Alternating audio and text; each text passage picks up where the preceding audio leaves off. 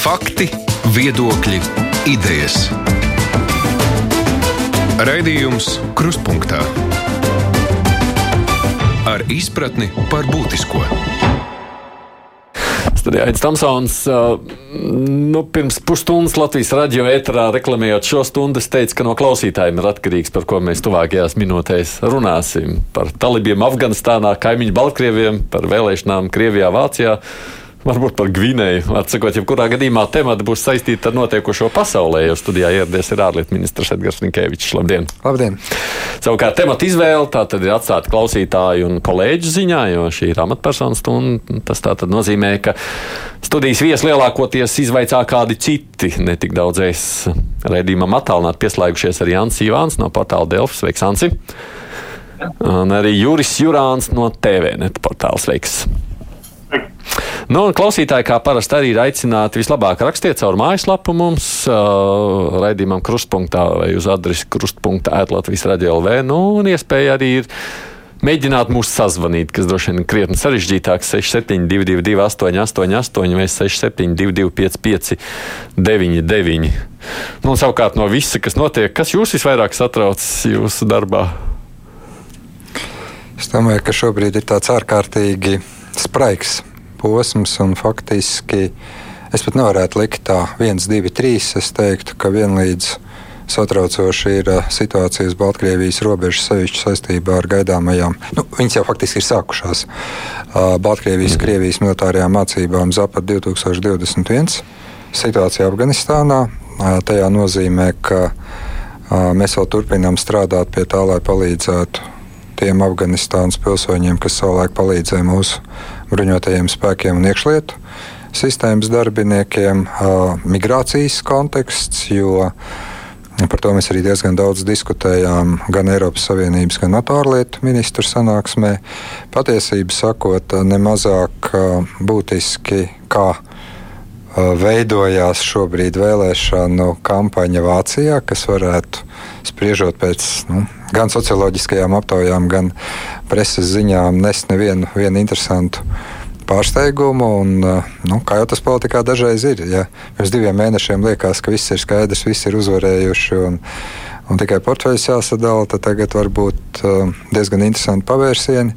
Un, protams, arī vesela rinda jautājumu, kas uh, saistās arī no tādām it kā ikdienas, bet būtiskām aktualitātēm. Mūsu drošības stiprināšana nākamā nedēļa šeit Rīgā paredzēta Baltijas un Polijas valstu ārlietu un aizsardzības ministru kopsēde, mm, kur mēs diskutēsim gan par robežu, gan par mācībām, gan par to, kas vēl būtu jādara, lai uh, nostiprinātu mūsu, mūsu drošību nu, šajā ārkārtīgi mainīgajā laikā. Nu, labi, kolēģi, kas jūs interesē, ko tu gribi jautāt? Jā, es varētu tagad paturpināt tēmu, ko ministra kungs pieminēja. Cik tad īsti ir to afgāņu, kas palīdzējuši Latvijas iestādēm un spēkiem, kuriem vajadzētu palīdzēt tikt uz Latviju? Tātad eh, šeit mēs runājam par diviem tādiem nu, elementiem, jau divām kategorijām. Pirmā, kas ir tieši palīdzējušas mūsu um, gan bruņotajiem spēkiem, gan mūsu policistiem. Mums vienā brīdī bija arī iekšlietu sistēmas kontingents. Tās ir kopskaitā faktiski 11 ģimenes. Vēl divas tika evakuētas no Kabulas, vēl paspēja tajā brīdī, kad lidmašīnas lidoja nonāca līdz apvienotajiem Arābu Emirātiem un no tālākas palīdzības atteicās. Faktiski tas nozīmē, ka šie cilvēki uzskatīja, ka viņi var palikt kaut kur reģionā vai doties uz kādu citu valsti. Tas ir viņu brīvas tiesības. Un vēl mums ir tātad. Trīs ģimenes šobrīd iebraukušas Latvijā, kas sadarbojās ar Eiropas Savienības pārstāvniecību Afganistānā. Tur mēs esam šiem cilvēkiem piešķīruši vīzas, un tagad viņu patvērumu iesniegumu izskata. Un vēl līdz piecām ģimenēm uh, mēs noteikti esam gatavi izskatīt. Tātad piecas pilsoņu plus ģimenes, teiksim, tā, tiem, kas ir palīdzējuši NATO kā aliansē, kā organizācijai kopumā. Uh, tas ir, uh, nu, tātad kopumā mēs rēķinām, ka mēs šeit varētu runāt par 20, 23 ģimenēm. Ģimeņu skaits gan ir ļoti dažāds. Varbūt ģimene no četriem mm. cilvēkiem, varbūt ģimene no, no, no astoņiem, deviņiem cilvēkiem tāpēc es tos precīzos skaitļus pašlaik īsti nosaukt nevaru. Bet tas ir runa par tiem, kur vēl ir joprojām atrodas tur. Tā, tā tad reāli Latvijā ir nonākuši uh, trīs pilsoņi, kas ir palīdzējuši Eiropas Savienībai. Viens, kas uh, uh jau atradās ārpus Afganistānas, bet palīdzēja bruņotiem spēkiem, un vēl divi ir, kā jau teicu, mm, jā. atstājuši Afganistānu. Nu, Tātad no šī skaita mēs konkrēti runājam par 11 ģimenēm, kas ir palīdzējuši. Un vēl ir astoņas ģimenes, jeb astoņi pilsoņi un ģimenes, kas ir palīdzējuši Eiropas Savienībai NATO. Gribu kā precizēt, Ansi? Nē, jā. Labi, runājot savukārt, ja es tikai drīkstu, es pabeigšu šo tematiku. Ir skaidrs, kādā veidā mēs viņus varēs, nu, kurā brīdī būs iespējas vispār viņiem nokļūt līdz Latvijai. Uh, Nē, šobrīd tā ir diezgan sarežģīta situācija, jo Afganistānas, Uzbekistānas sauszemes robeža ir cieta. Ne tikai mēs, bet ļoti daudz sabiedrotie mēs cieši koordinējamies savā starpā, strādā vai nu pie gaisa tilta no Afganistānas mm. ziemeļiem uz Uzbekistānu vai pie kādiem citiem risinājumiem. Bet cīkāk detaļas es šobrīd nevarētu atklāt, jo nedaudz tas tomēr skar arī cilvēku drošību. Katrā gadījumā tas darbs ir daudz sarežģītāks nekā sākumā likās, un diemžēl to sarežģītības elementu ievies tas, ka Kabulas lidosta tika faktiski aiztaisīta vēl pirms 31. augusta. Mm. Labi. Es pacelšu klausulu. Halo!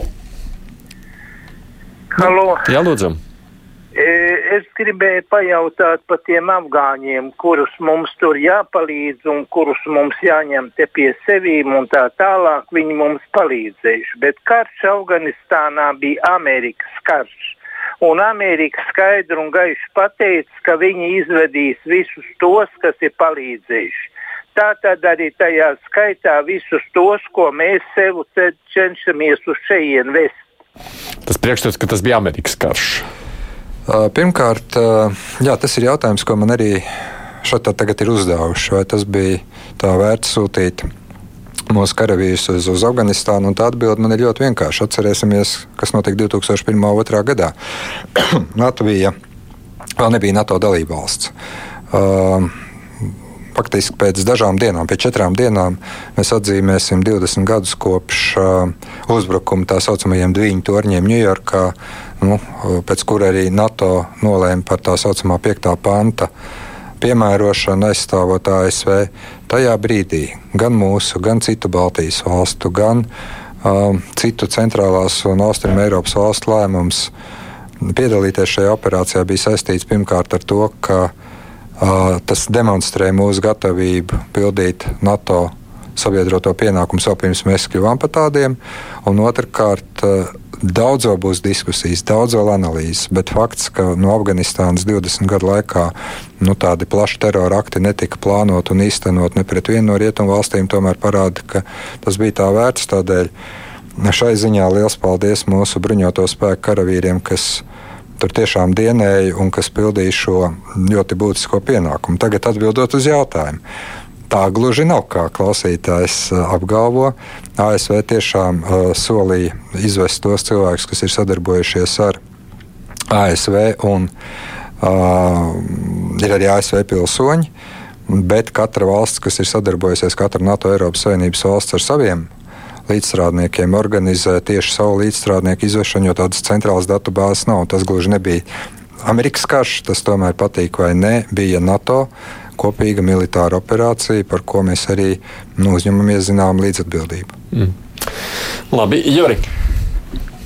Uh, jā, es gribēju pajautāt, paturpināt arī nedaudz to pašu tēmu par afgāņiem. Uh, Kā īsti, pirmkārt, kur, kur šie afgāņi varētu tikt izmitināti, šīs afgāņu ģimenes, un, un kā ar viņām, šīm ģimenēm, varbūt tiktu strādāts, lai kaut kā, vai, vai vispār ir plānots, piemēram, strādāt ar viņiem, kaut kā integrēt viņus sabiedrībā. Jo, piemēram, tādam uzskatāmam, piemēram, no polijas mēdījiem pienāca ziņa, kas ir tāda ļoti nu, traģiska ziņa, ja, ka šīs afgāņu ģimenes, kas izvietotas uh, kaut kādā vienā no tām patvērumu meklētāju centriem, attiecīgi viņi ir saindējušies ar mušmirēm, kuras viņi bija atraduši turpat pie, pie šī patvērumu centra. Tad, nu, līdz ar to tāds jautājums, vai kaut kādā veidā ar šiem migrantiem, arī nu, bēgļiem, protams, tiek strādāts, tiktu strādāts un, un kaut kādā veidā nu, integrēt viņus sabiedrībā. Lai nēd mušmirs. Um, ja mēs runājam par teiksim, tādu integrāciju sabiedrībā, tas ir diezgan ilg, ilgstošs process. Mēs esam saistījušies ar nevalstiskajām organizācijām, kas, kam ir pieredze. Strādājam ar, ar šīm organizācijām, lai uh, nu, tomēr palīdzētu cilvēkiem pēc tam, kad viņu patvērumu lūgumi tiek izskatīti. Jo ir viena būtiska nianses, ko daudz laikam nav uztvēruši. Cilvēki ierodās šeit Latvijā, viņiem automātiski vēl patvērums netiek piešķirts. Mm -hmm. Tiek izskatīti dokumenti, tiek uh, pārbaudīts, vai šie cilvēki tiešām nu, atbilst visiem likumā noteiktiem kritērijiem. Tas notiek bez jebkādas steigas, parastā kārtībā. Un, protams, ka es domāju, ka šeit gan uh, nevalstiskām organizācijām, gan kolēģiem aizsardzības un ārlietu ministrijā būs kopā ar nevalstisko organizāciju sektoru jāpiestrādā pie šīs programmas, jāpalīdz integrēties. Nu, vai viņi integrēsies vai kaut kur dosies tālāk, tas ir arī vēl atvērts jautājums. Mm. Tā es paskatīšos arī, ko ļaudis raksta, lai mums ir dažādi e, klausītāji jautājumi. Kādu iespaidu, jūsuprāt, prasa Pēters atstās tieši veids, kādā NATO un ASV spēku iziešana notika? Un arī ar to tādu šķietami trauslu ASV prezidenta publiskais tēls, vai tikai mani mulsina tas, ka Nu, tur nevar izprovocēt agresiju. Tas kaut kādā bēdā no Ķīnas vai Krievijas pret kaimiņiem, jo Baltais nams izstāsta nepārliecinoši gan publiskajā komunikācijā ar medijiem, gan arī lēmumos to saka. Pirmkārt, protams, ka gan NATO, gan ASV karavīru izvešana, tas bija laika jautājums. Un tur es gan piekrītu tiem, kas saka, tas varēja notikt gadu ātrāk, tas varēja notikt gadu vēlāk. Bet vēl desmit gadus tur uzturēties, nu, to nesaprostu ne mūsu sabiedrība, ne ASV sabiedrība. Veids, kā tas notika, faktiski nu, šis plānošanas trūkums un varbūt analīzes trūkums, tas, protams, ir cīkāks diskusijas vērts jautājums. Tas, tas nebija labākais. Un, protams, tas atstāja iespaidu gan uz NATO, gan uz ASV prestižu. Bet es arī netaisos tagad teikt, ka te nu ir kaut kāds pastarās tiesas uh, scenārijs iestājies un ka tagad viss ir sabrucis un viss ir beidzies. Daži jau vāk paralēlus, kā justies NATO dalību valstīm. Uh, tās tomēr ir divas atšķirīgas lietas, bet šobrīd notiek arī nopietna analīze, kas kā saka tautas valodā, nogāja greizi, ne tik daudz lēmumu pieņemšanā par aiziešanu, cik tā izpildē, kāpēc uh, nokļūdījās uh, analītiķi un nu, lielā mērā arī politiķi. Tāpēc spriežot, cik ilgi var noturēties Afganistānas valdība, cik ātrā laikā talība pārņems kontroli pār valsti. Tas, ka tas kaut kādā brīdī notiks un cerība bija uz zināmu politisku procesu, tas ir fakts. Tā bija kļūda. Bet to, ka nu, pēc gan uzvarošām operācijām, gan netik uzvarošām operācijām notiek analīze un, un būs viena pamatīga diskusija. Es domāju, arī decembrī NATO ārlietu ministru sanāksmē un aizsardzības ministru sanāksmē kas un ko varēja darīt labāk, tas ir fakts. Uh, jā, daudzi saka, ka tas tiešām ir atstājis iespaidu uh, gan iekšpolitiski, gan ārpolitiski uz ASV administrāciju, bet man liekas, ka iekšpolitiski tomēr um, vēlme beigt karus bija lielāka nekā varbūt veids, kā tas tika izpildīts. Vienu gan, ko es redzu tīri no politiskā viedokļa, Ja pirms gadiem 20, eh, pirms gadiem vēl 10 valdīja zināms tāds romantisms, mēs varam ar savu militāro spēku, ar savu naudu, ar saviem ekspertiem uh, izveidot citu tautu vietā valstis vai pārveidot tās nu, Irāka, Afganistāna.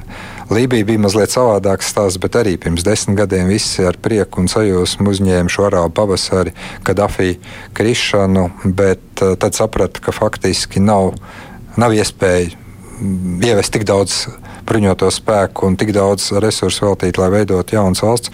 Šis romantisms, ka mēs varam citu vietā veidot uh, uh, valstis un, un, un, un to iekārtas, tas ir beidzies.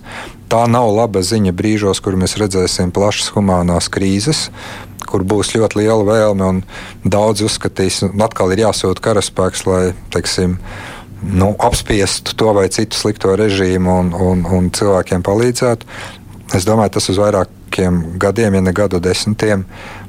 Nu, šāda veida pieeja, tāds uh, intervencionisms starptautiskajās attiecībās no rietumu puses nebūs modē. Mm. Ansi. Jā. Jūs jau pieminējāt situāciju ar slēgto Uzbekistānas robežu, bet nu, pat Uzbekistānā sāka strādāt Latvijas vēstnieks Reinis Trokšs. Vai jau ir pārunāts šis jautājums par bēgļu situāciju ar pašu Uzbekistānu, izklausīts kaut kādas viņu bažas, kāpēc viņi tur bažījās par Talibanu kontroli Afganistānā, kāpēc viņi izvairās uzņemt cilvēkus? Es esmu divreiz pats runājis ar Uzbekistānas ārlietu ministru. Jūlija beigās un augusta beigās, un arī vēstnieks strādā. Dabīgi, ka viņi uztraucās par to, ka atverot robežas, nekontrolēta dažādu cilvēku plūsma var radīt viņiem drošības riskus. Mm. Te runājot par tiem kontrolēta plūsma, ja runājam tieši par tiem cilvēkiem, ko uz Latviju grasamies evokēt. Ja jūs atverat robežu vieniem, tad jūs atverat robežu citiem. Tas, tiek, tas rada precedentu. Ir valsts, kuras līdzīgi kā mēs lūdzam to pašu darīt, bet kuras varbūt nav tik apņēmības pilnas evokāciju veikt tik ātrā laikā. Tāpēc šeit faktiski Uzbekija puse piemēro principu, ka nevienam uh, nav un netiek piemērots izņēmums. Bet mēs turpinām strādāt, un es tiešām šobrīd negribētu uh, ieslīgt plašākās detaļās, jo tur ir gana daudz sensitīvas lietas, kad mēs dabūsim ārā maksimāli daudz cilvēkus. Nu, varbūt mēs varēsim atklāt mazliet vairāk, bet, uh, bet fakts ir tāds, ka um, bažas kaimiņiem par notiekošu Afganistānā ir tādas, ka ka teiksim, nu, viņu, viņu attieksme ir ļoti, ļoti piesardzīga. Kārlis te saka, vai, vai mēs arī uh, šobrīd pārbaudām līdzīgas pārbaudas, kā to citas valsts jau atklājuši, ka starp tiem, kas bēg no Afganistānas, varētu būt arī ekstrēmisti. Jā, tādas pārbaudas notiek. Mm -hmm. Vēl viena tāda replika tikai no Normānas. Bet tas, ko jūs teicāt par uh, to, ka neviens vairs neintervences neveiks, tā ir laba ziņa Lukašenko. Viņu neviens neiztiks. Uh, nu, es nedomāju, ka mēs jebkurā brīdī esam domājuši vai runājuši par kādu militāru operāciju. Mums vēl ir sankciju un, un politiskā spiediena mehānismi, bet jā, uh, jūs jau redzat, uh, ka, ka pēc būtības Venecijas gadījumā un Baltkrievijas gadījumā tomēr tiek runāts par ekonomiskām sankcijām, par personālām sankcijām, par politisku spiedienu. Bet, nu, ja kāds domā, ka ka, un to es esmu arī teicis vairākas reizes, ka mēs no malas varam izdarīt citu tautu darbu. Nē, mēs varam atbalstīt, mēs varam ierobežot finanšu plūsmas, mēs varam jebkādā veidā teiksim, piemērot tās vai citas sankcijas, bet neviens no ārpuses nevar nu, saka, nogāzt to vai citu režīmu. Tā ir viena lieta, ko es esmu vairākas reizes teicis dažādu valstu opozīciju pārstāvjiem. Jo viņiem ir tāda milzīga nu, tāda sajūta, ka pietiek tikai noteikti vēl papildus 3-5 sankcijas, un tad nu, viss stabili. Mm, sabruks ekonomiskais šis režīma atbalsta mehānisms, un tad viss mainīsies. Primāri tomēr par savas valsts likteni atbildību uzņemās paši cilvēki. Jā, ierobežojot eh, ekonomiskos sakarus, piemērojot sankcijas, mēs varbūt izsitām iespēju eh, pelnīt naudu, lai to ieguldītu tālāk represīvos mehānismos, bet iespēja, ka kāds ar militāru spēku tagad uh, dotos kaut kur ārpus nu, teiksim, nezinu, NATO un Eiropas Savienības teritorijas, mainīt valdības, Tāda iespēja, es domāju, šobrīd vispār netiek izskatīta nekur, nevienā brīdī. To gan mēs brīžiem redzam režīmu propagandas pasākumos dažādos, bet um, savu laiku, jā, nu, ar Sadamu Huseinu Irākā. Uh, savā ziņā ar to, kas notika ar uh, manis minēto jau 11. septembri un Afganistānu, un šī vēlme uh, militāri iejaukties uh, Bet tajā brīdī ir jautājums, ko jūs darat tālāk, kad šī militāra operācija ir beigusies. Jūs aiziet, un kas tur tālāk notiek, kā tās sistēmas veidojas. Lūk, šāda veida intervences, pie kādām mēs bijām pieraduši varbūt 90. gada beigās, 2000. gada sākumā, nu, mana prognoze ir, ka, ka no uz kādu laiku tiešām arī, arī tāda veida operācijas nebūs, nebūs dienas kārtībā. Šobrīd notiks analīzes, kas, kā, kāpēc cik tie 20 gadi Afganistānā vai pāris gadi Irākā ir bijuši vērtīgi. Un, un, un kas ir tas, ko mums noteikti nevajadzētu atkārtot kā kļūdas? Mm.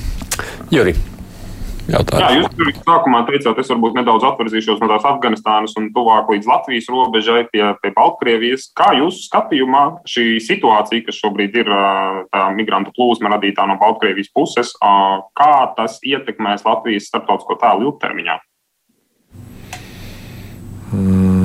Es mazliet pat īsti nezinu, ko atbildēt uz šo jautājumu. Startautiskā sabiedrība skaidri redz, ka tas ir hibrīd karš, skaidri redz, kā šīs plūsmas ir organizētas. Gan Eiropas Savienības, gan NATO dalību valstu, gan Eiropas institūciju kolēģi mums ir pauduši atbalstu.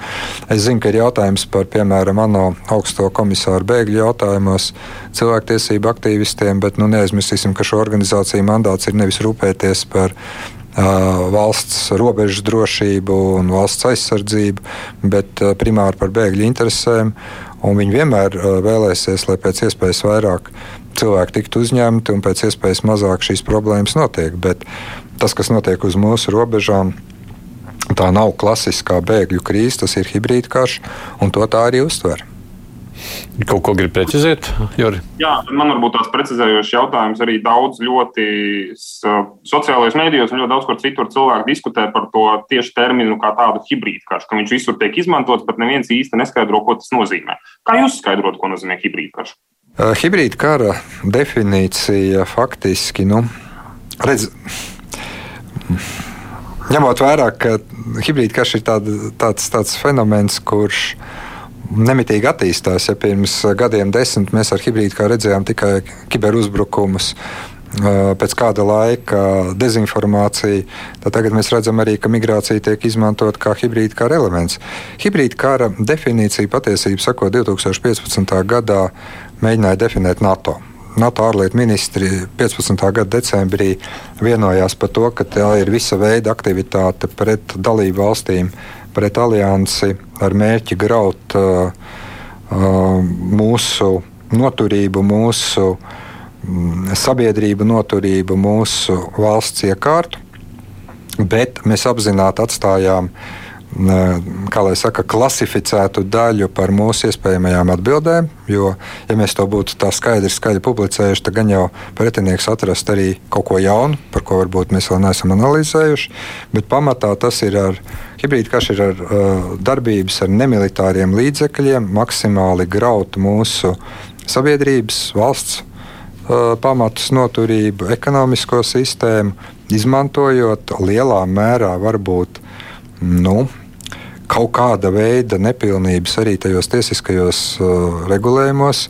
Kādi mums ir? Pirms gadiem, septiņiem, mēs ļoti daudz diskutējām, kur ir tā robeža starp vārdu brīvību un, un cīņu pret propagandu. Uh, pirms septiņiem gadiem ļoti daudz dalību valsts uzskatīja, ka vajag ļaut visiem visu runāt un viss būs kārtībā. Pirms gadiem sešiem mums bija migrācijas krīze, kur faktiski pat tāda veida valsts organizētu cilvēku plūsmu, lai ietekmētu uh, citas valstis neviens īpaši nerunāja, bet nu jau mums Eiropas Savienībā ir trīs piemēri. Mūsu robeža, Grieķijas robeža un Spānijas robeža. Un, uh, arī šeit uh, radās ar vien plašāka izpratne, ka būs vien jāmaina arī tiesiskais rāmis, ka būs jāatrod uh, pareizais līdzsvars starp cilvēktiesībām un tiešām cilvēku pamatotu mm, iespēju saņemt patvērumu un cīņu par savas valsts drošību un robežām. Faktiski, ja jūs, eh, jūs jau noteikti esat daudz intervējuši robežsargus un kolēģus no iekšlietu ministrijas, bet tā informācija, ko viņi mums stāsta, eh, es domāju, viņi diezgan sakrīt arī ar publisko informāciju. Lielākā daļa šo cilvēku domā, ka viņi ir nonākuši vai nu Vācijā, vai viņiem ir zaļais koridors uz Vāciju. Līdz ar to daudz arī Eiropā saprot, ka šobrīd mēs jau sargājam ne tik daudz to Latvijas, Baltkrievijas, mm. Lietuvas, Baltkrievijas vai Polijas, Baltkrievijas robežu, bet šo kopējo Eiropas Savienības un NATO robežu. Ants, tu gribēji kaut ko jautāt? Paturpināt, vai šī hibrīda kara kontekstā tiek apsvērtas kaut kādas jaunas sankcijas pret Baltkrieviju, vai ir idejas, kādas tās varētu būt?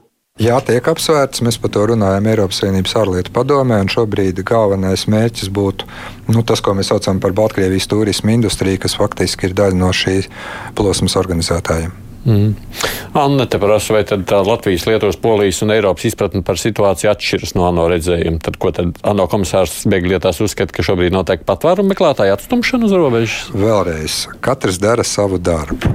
Um, ja jūs, teiksim, runāsiet nu, pēc analoģijas valdībā, Labklājības ministrs jums vienmēr teiks, ka valsts pamatu pamats ir sociālais nodrošinājums, veselības ministrs, ka veselība un, un mēs ar aizsardzības ministru vienmēr uzstāsimies par ārējo drošību un iekšlietu ministru par, par iekšējo. Līdzīgi ir arī šeit. ANO bēgļu komisāru interesē tikai šie cilvēki, kas pārvietojās. Un viņu maksimāla tiesiskā aizsardzība, tas ir saprotami tur pārmest kaut ko būtu grūti, ko gan mēs viņam pārmetam. Mēs ar iekšlietu ministru esam nosūtījuši vēstuli, ka uh, viņi jau nedodas uz Baltkrieviju. Viņi jau nerunā un nestrādā Baltkrievijā. Viņi brauc uz šejienu uz jautājumu, kāpēc. Tāpēc, ka Baltkrievijā mūs neviens īsti negrib redzēt. Šāda veida gan divējādi pieeja nav pieņemama, un tieši to mēs arī esam vairāk kārt šiem, šiem emisāriem norādījuši. Bet jā, es domāju, ka tā dzīve ir kļuvusi daudz sarežģītāka, nav tādas vienotās starptautiskās pieejas. Katrai institūcijai ir kaut kas savs, par ko tā atbild. Eiropas Savienība šobrīd ir ieinteresēta savu robežu aizsardzībā, protams, ievērojot arī tiesiskos aspektus, bet iespējams, ka mēs tiešām drīzumā nonāksim pie kaut kādām arī modifikācijām juridiski. Bēgļu komisāram ir savs uzdevums, cilvēktiesību uh, Komisāram ir savs uzdevums un atkal nevalstisko organizāciju sektors.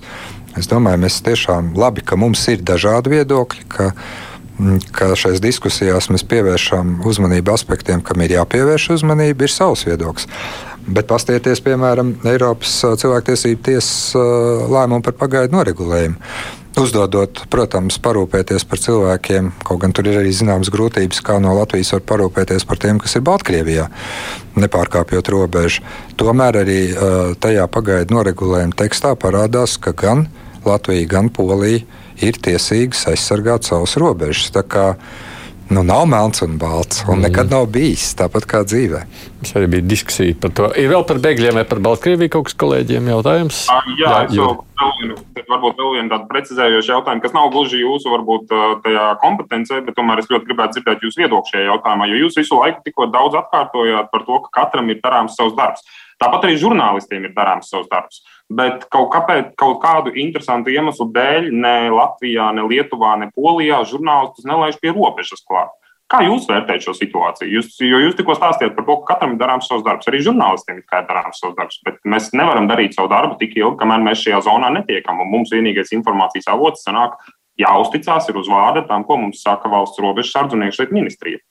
Es domāju, es tiešām šo jautājumu atstātu kolēģiem, kas par to tieši atbild, jo uh, tā situācija nav tik vienkārša. Es gan gribu cerēt, ka tiks atrasts tāds risinājums, kas uh, būs uh, samērīgs un, un iespējams jums veikt savus darba pienākumus un arī netraucēs drošības situāciju. Bet es domāju, ka pašlaik šī situācija ir samērā jauna un attīstās arī kolēģi iekšlietu resorā un robežsardzē meklē tos labākos risinājumus. Es domāju, ka pie kaut kāda savstarpēji pieņemama risinājuma nonāks. Un es ceru, ka nonāks pietiekami ātri, bet es tiešām nevēlētos uh, nekādā veidā šobrīd uh, vai kritizēt vai pārmest kaut ko kolēģiem, kuriem ir diezgan liela un smaga atbildība un kuriem tiešām nu, ir jāmeklē nestandarta risinājumi, nestandarta situācijā. Var tikai teikt paldies mūsu, mūsu attiecīgajiem robežsardze un bruņoto spēku dienestiem par to, ko viņi dara, un gribu izteikt cerību, ka kaut kādā brīdī tiešām arī šī problēma atrisināsies.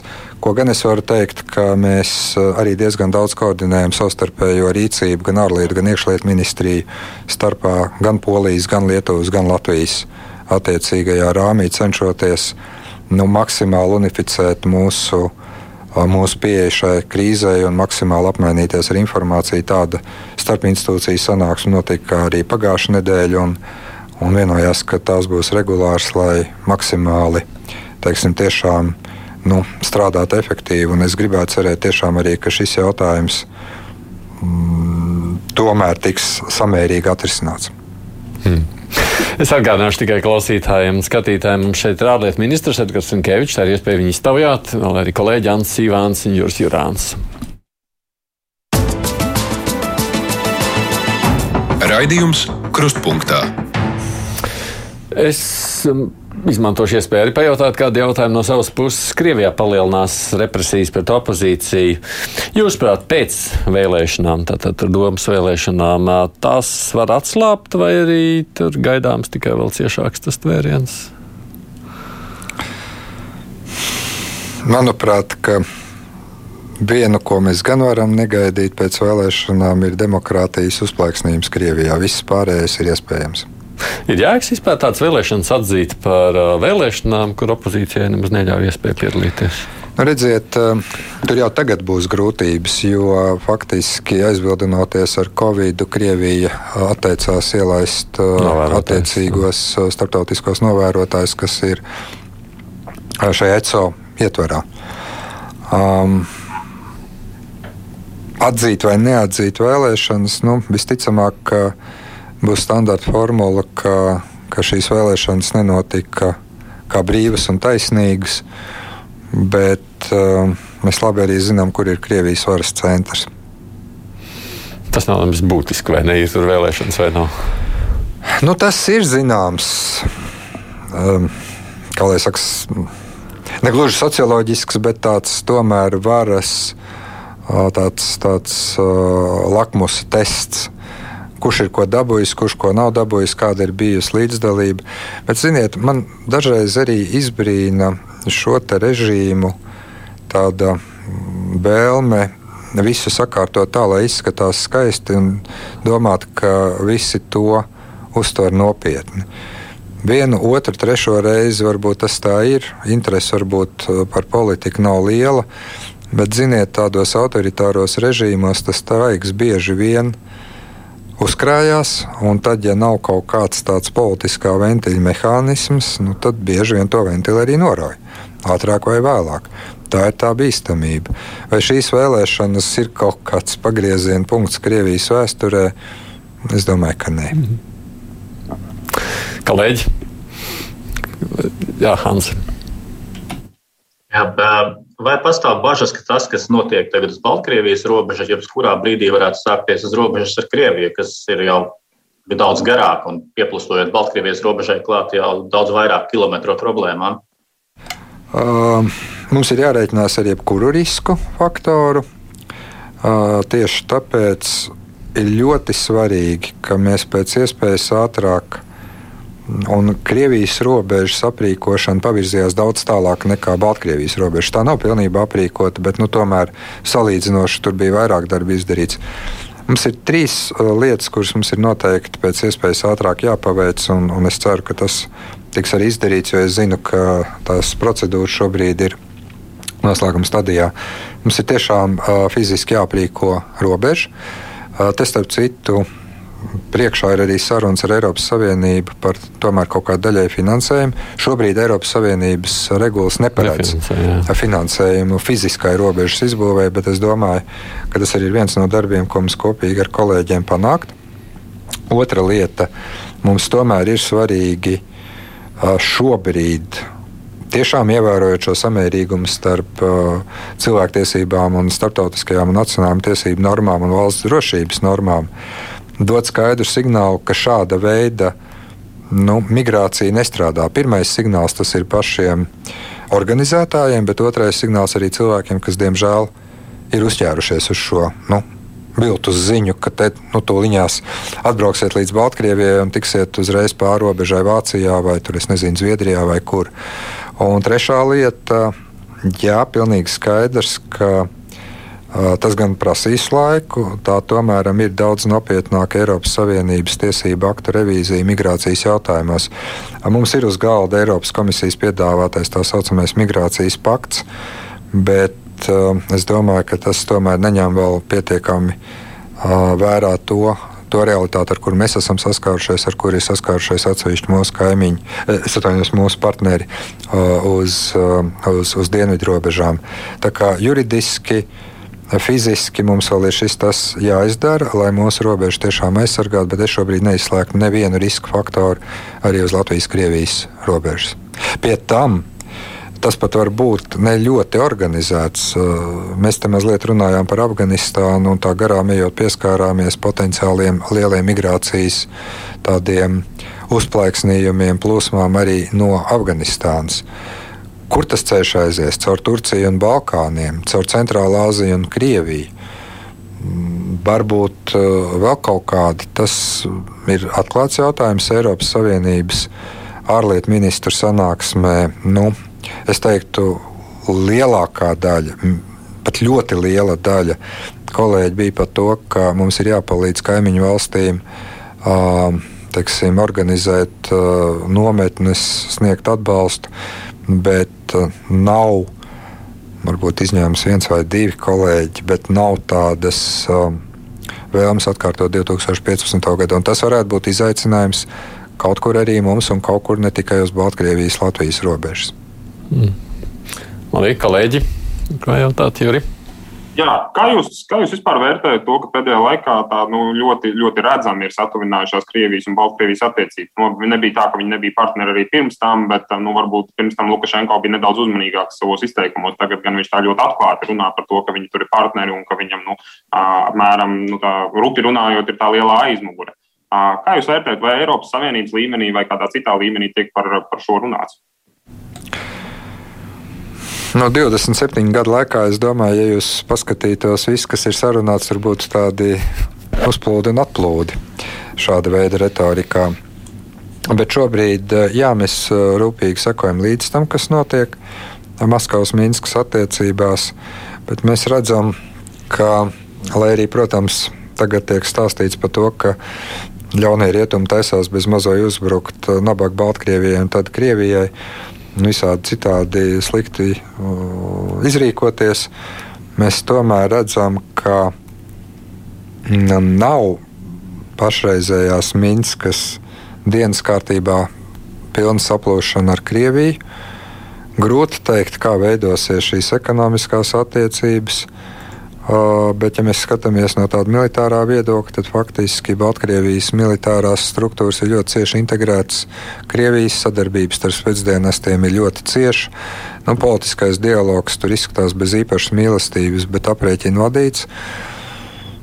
Vai teiksim, tomēr beigās arī pati Krievija sapratīs, ka ilgtermiņā uh, atstājot šo atbalstu šim režīmam var tikt zaudēta tomēr pamatā ļoti. Es teiktu, tāda silta Baltkrievu tautas attieksme pret Krievijas federāciju, un, un nav tur nekāda vēlme stāties Eiropas Savienībā vai NATO, kā to dažreiz stāsta. Vai, teiksim, vienā brīdī šī kalkulācija uh, var ietekmēt, teiksim, kaut kādas ekonomiskās palīdzības sniegšanu vai ko. Um, nu, Tas ir atvērts jautājums. Katrā gadījumā, manuprāt, kaut kādas ziņas varētu gaidīt pēc nu, jau mūsu apspriestajām Krievijas domas vēlēšanām.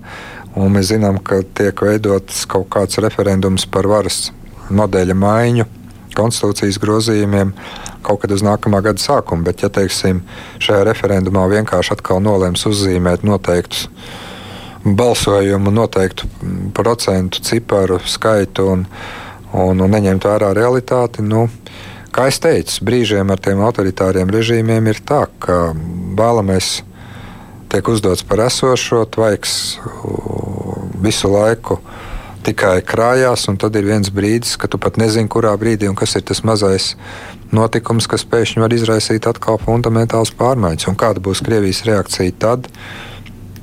Tur es vienmēr esmu teicis, ziniet, zvaniet laikam tomēr Krievijas ārlietu ministrijai vai uz prezidenta administrāciju. Ko domā Krievija, vislabāk tomēr spēs atbildēt viņi. No, nu, Vai nav jēgas viņiem zvanīt, viņi neko neatbildēs, ko vajag. Labi, kolēģi, vēl kas jautājums, Hansi? Jā, nu, par to potenciālo afgāņu migrantu bēgļu pieplūdumu, vai ir teiksim, kaut kāda Latvijas nostāja, ja viņi ienāks iekšā, ja netiks aptuvērti citās valstīs vai darbosies šī kvotu sistēma, ko ļoti daudzas valstis kritizēja 15. gadā, un ko tagad jau ir atsevišķas valstis Eiropas Savienības pateikušas, ka negrasās uzņemt. kvotu sistēma bija vienreizēja. Uh, nav tādas pastāvīgas kvotas, ko mums katru gadu uzņemt. Es ar šo jautājumu saskāros arī pavisam nesen. Cilvēki bija pārliecībā, ka tas lēmums par 776 cilvēkiem kas tika balsots ar ļoti lielām diskusijām arī šeit, Latvijā, tāpat Eiropas Savienībā, tas ir vienreizējs, tas tika izpildīts un ir aizmirsts. Jā, ir ik pa brītiņam uh, priekšlikumi tā saucamajai migrācijas reformai, kur kaut kāda uh, sadala ir. Latvijā bez saimnes lēmuma tas nav iespējams. Uh, es domāju, ka nu, par mūsu saimnes lēmumu tur varētu diezgan plašas diskusijas neizvērst. Uh, es domāju, tas varētu būt diezgan skaidrs, saprotams, nē. Uh, bet uh, mēs arī nevaram runāt par par kaut kādu obligātumu bēgļu sadalē vai kvotām. Mūsu primārais uzdevums tomēr ir, tātad, kā jau teicu, nosargāt šo robežu. Otra problēma, kāpēc šī robeža tiek sargāta, ko man liekas, arī daudzi tomēr nesaprot. Mēs apturējām šo plūsmu varbūt mazliet ātrāk nekā Lietuva. Mums nav telšu pilsētiņu. Klimats Šobrīd, kā mēs zinām, Baltijas klimats rudenī un ziemā nav tas pats viesmīlīgākais. Mēs šos cilvēkus esam tomēr izvietojuši daudz maz labos apstākļos. Lietuvai vēl ir jāsaspringst, lai visus izvietotu dzīvošanai piemērotos apstākļos, bet ir arī tāds, nu, kā lai saka, tāds Es šeit esmu dzirdējis cilvēks, savukārt uzskata, ka mēs varam palīdzēt vairāk. Nu, tāds, eh, es teiktu, tāds normatīvisms un naivums. Jā, protams, ka izskatot patvēruma pieprasījumu un to noraidot, cilvēks ir jādeportē. Bet tas nenotiek tā, ka šodien mēs pieņemam lēmumu, jūs nekvalificējaties, un rīt jūs jau sēdināt lidmašīnā. Ar to pašu Irāku ir tā, ka Irāka ir teikusi, ka piespiedu deportācijas atpakaļ uz savu valsti tā neakceptē, tikai brīvprātīgas. Tātad šis deportācijas mehānisms tiem, kas nekvalificējās, arī nav tik vienkāršs.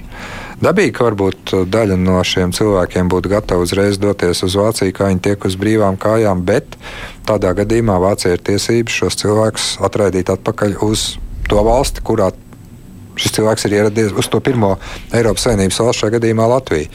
Šī kompleksā problēma arī īsnībā ar mūsu infrastruktūras nepietiekamību, ar to, ka mums nav iespēja uh, nu, nodrošināt tādus cilvēku cienīgus arī sadzīves apstākļus.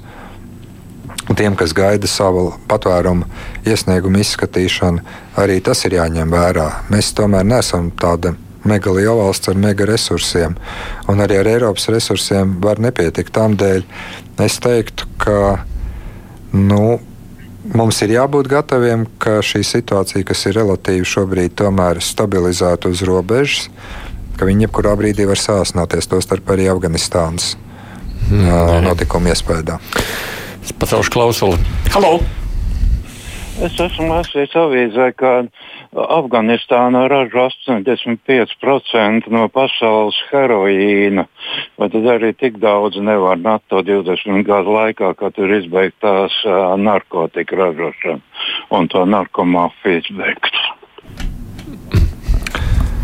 Nu, es domāju, ka liela daļa mm, teiksim, šo narkotiku tiešām ir ražots Centrālā Azijā un Afganistānā.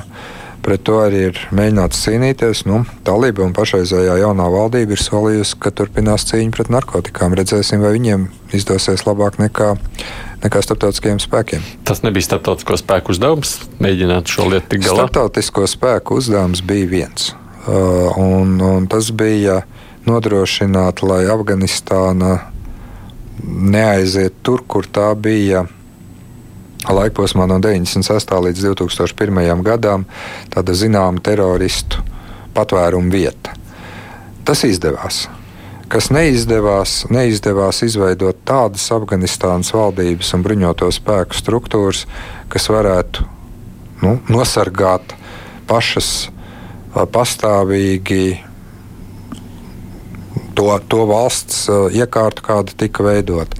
Jā, cīņa pret narkotikām uh, bija tas, ar ko nodarbojās gan specializētās ANO struktūras, gan arī spēki, bet uh, Es gan neesmu pārliecināts, vai klausītājiem ir taisnība par tiem procentiem. Nediskutēšu, nestrīdēšos, varbūt ir. Cik es zinu, ir arī citi gana daudz ražotāju Latvijā, Amerikā. Bet šī ir viena no problēmām, ar ko ir jārēķinās. Migrācija un narkotika plūsmas. Jā, tas ir viens no drošību apdraudošiem aspektiem, kur nu, Kā jau teicu, ir talību apņemšanās nepieļaut terora aktu plānošanu un īstenošanu no Afganistānas un cīņu pret, pret narkotikām. Dabīgi, ka šī cīņa pret narkotiku tirgotājiem varbūt nebūs tik, kā lai saka, civilizēta un, un maiga, kā, kā starptautiskā organizācija veikt. Es domāju, tur būs gana skarbi tie lēmumi. Bet vai tas izdosies vai nē, tas ir labs jautājums. Un īsnībā tie ir viena dilēma, ar ko šobrīd eh, nodarbojas visas starptautiskās organizācijas un arī mēs Eiropas Savienības un NATO ietveros. Kas ir tie nosacījumi, pie kuriem ne tikai uzņemt kontakts ar talībiem, tas ir vienkārši jādara daudz un dažādu iemeslu dēļ, bet kurā brīdī mēs varam atzīt šo valdību. Un tur ir cilvēktiesības, tur ir cīņa pret narkotikām, tur ir mm, cīņa pret terorismu un, un, un vēl vesela rinda jautājumu. Uh, Vai tie paziņojumi, ko mēs dzirdam šobrīd, tiks īstenoti, to var parādīt tikai laiks. Ir vērts jautāt par Vācijas vēlēšanām. Tur jau ko tad? Sagaidīsim vēlēšanas. Ja, lai es ko prasītu, jūs teikt, jūs nevarat komentēt. Nu, mēs uh, tradicionāli atbildam par jebkurām vēlēšanām, ka mēs tomēr uh, esam gatavi sadarboties ar to valdību, kuru vēlētāji demokrātiskā valsts ievēl. Tā ir. Juri, tev ir kas jautājums? Um, nu jā, nu man bija vairāk tas jautājums par tām uh, Vācijas vēlēšanām, bet uh, tā kā. Tu zaudēji cerības, jā, pēc maniem jautājumiem. Hans, tev ir kas prasāms? Jā, varētu par citu tēmu. Latvijā darbu sācis uh, nerezidējošs Namībijas vēstnieks. Vai viņš ir ieskicējis kaut kādas Namībijas intereses un sadarbību ar Latviju? Hmm. Nu, mums arī pirms diviem gadiem gandrīz bija arī Namībijas viceprezidenta vizīte. Ir zināma interese informācijas tehnoloģiju jomā, teiksim, pārņemt mūsu pieredzi, sadarboties ar mūsu kompānijām. Mums ir savas intereses, protams, ANO drošības padomus vēlēšanu kontekstā, arī ciešāka sadarbība ekonomikā, tieši informācijas tehnoloģiju jomā, un jā, arī Eiropas Savienības, Āfrikas Savienības dialogs Tostarp arī tais pašos migrācijas jautājumos. Mm. Es pajautāšu to, ko savukārt klausītāji šeit pa brītņiem raksta, arī šodien nāk no jautājumiem. Covid saslimstība tomēr pieaug. Jautājums par robežu iespējamu atkal vēršanu vai slēgšanu ciet varētu tikt aktualizēts tomēr šajā ziemā vai ne?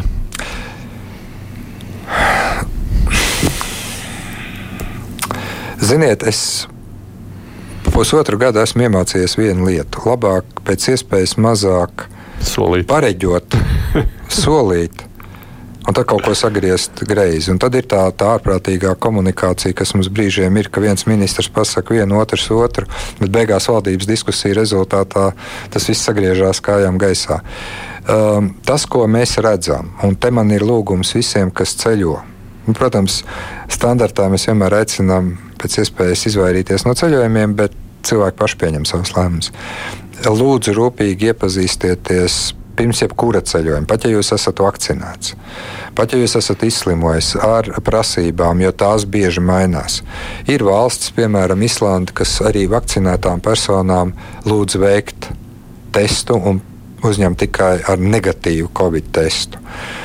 Ehm, cik es esmu runājis ar kolēģiem Eiropā un ārpus Eiropas Savienības neviens īsti negrib uh, tādus pašus ierobežojumus, kādi bija pie otrā vai pie pirmā viļņa. Uh, Visi ir apņēmības pilni darīt visu, lai nu, tā mēs teiksim, teicām, pēc pirmā uz otru ierobežojumu būtu maz. Bet ko tā reālā dzīve mums atnesīs vēl pēc mēneša?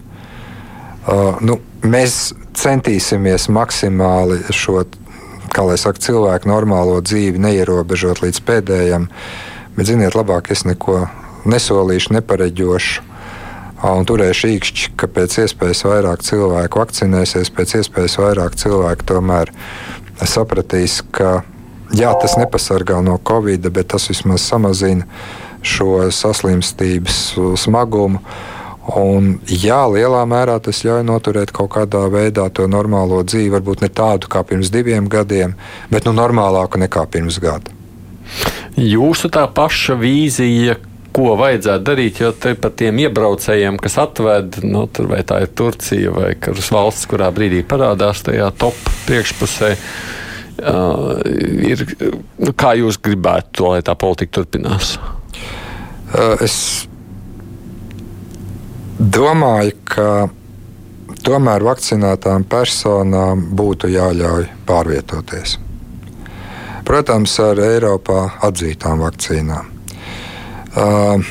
Es domāju, ka mēs atkal pavisam drīz nonāksim pie situācijas, kur var būt, ka nevakcinētiem cilvēkiem no tā saucamajām sarkanajām valstīm, jeb sarkanās zonas valstīm, nu, kuriem nav būtiski iemesli, atkal būs daudz plašāk ierobežojumi ceļot.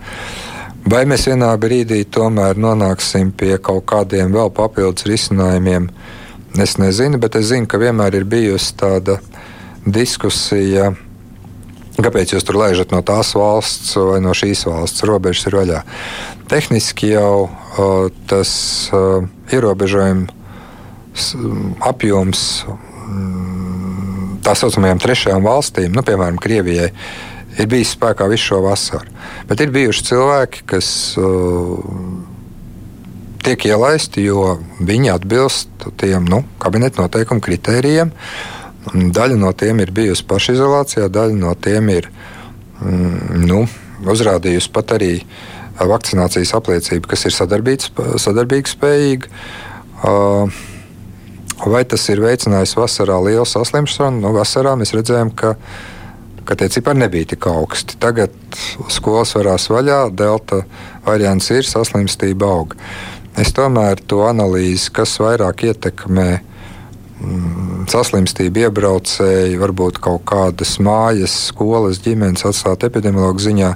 Katrā gadījumā tas, ko veselības ministrija un epidemiologi ieteica saistībā ar robežu regulāciju pamatā ir ticis atbalstīts. Protams, ka tur ir bijuši kaut kādi kompromisi, kas bija jāmeklē arī ar pārvadātājiem, ar, ar, ar, ar satiksmes ministriju, bet nu, būsim realisti. Arī liela daļa sabiedrības gribēja aizbraukt uz Turciju, atpūsties. Un, ja viņi ir vakcinēti, Protams, ieteikumi ir spēkā. Katrs mums ir gudrs. Mums jau ir ļoti daudz gudru cilvēku, kas izlēma darīt nevis tā, kā iesaka, bet kā viņi uzskata par pareizi esam.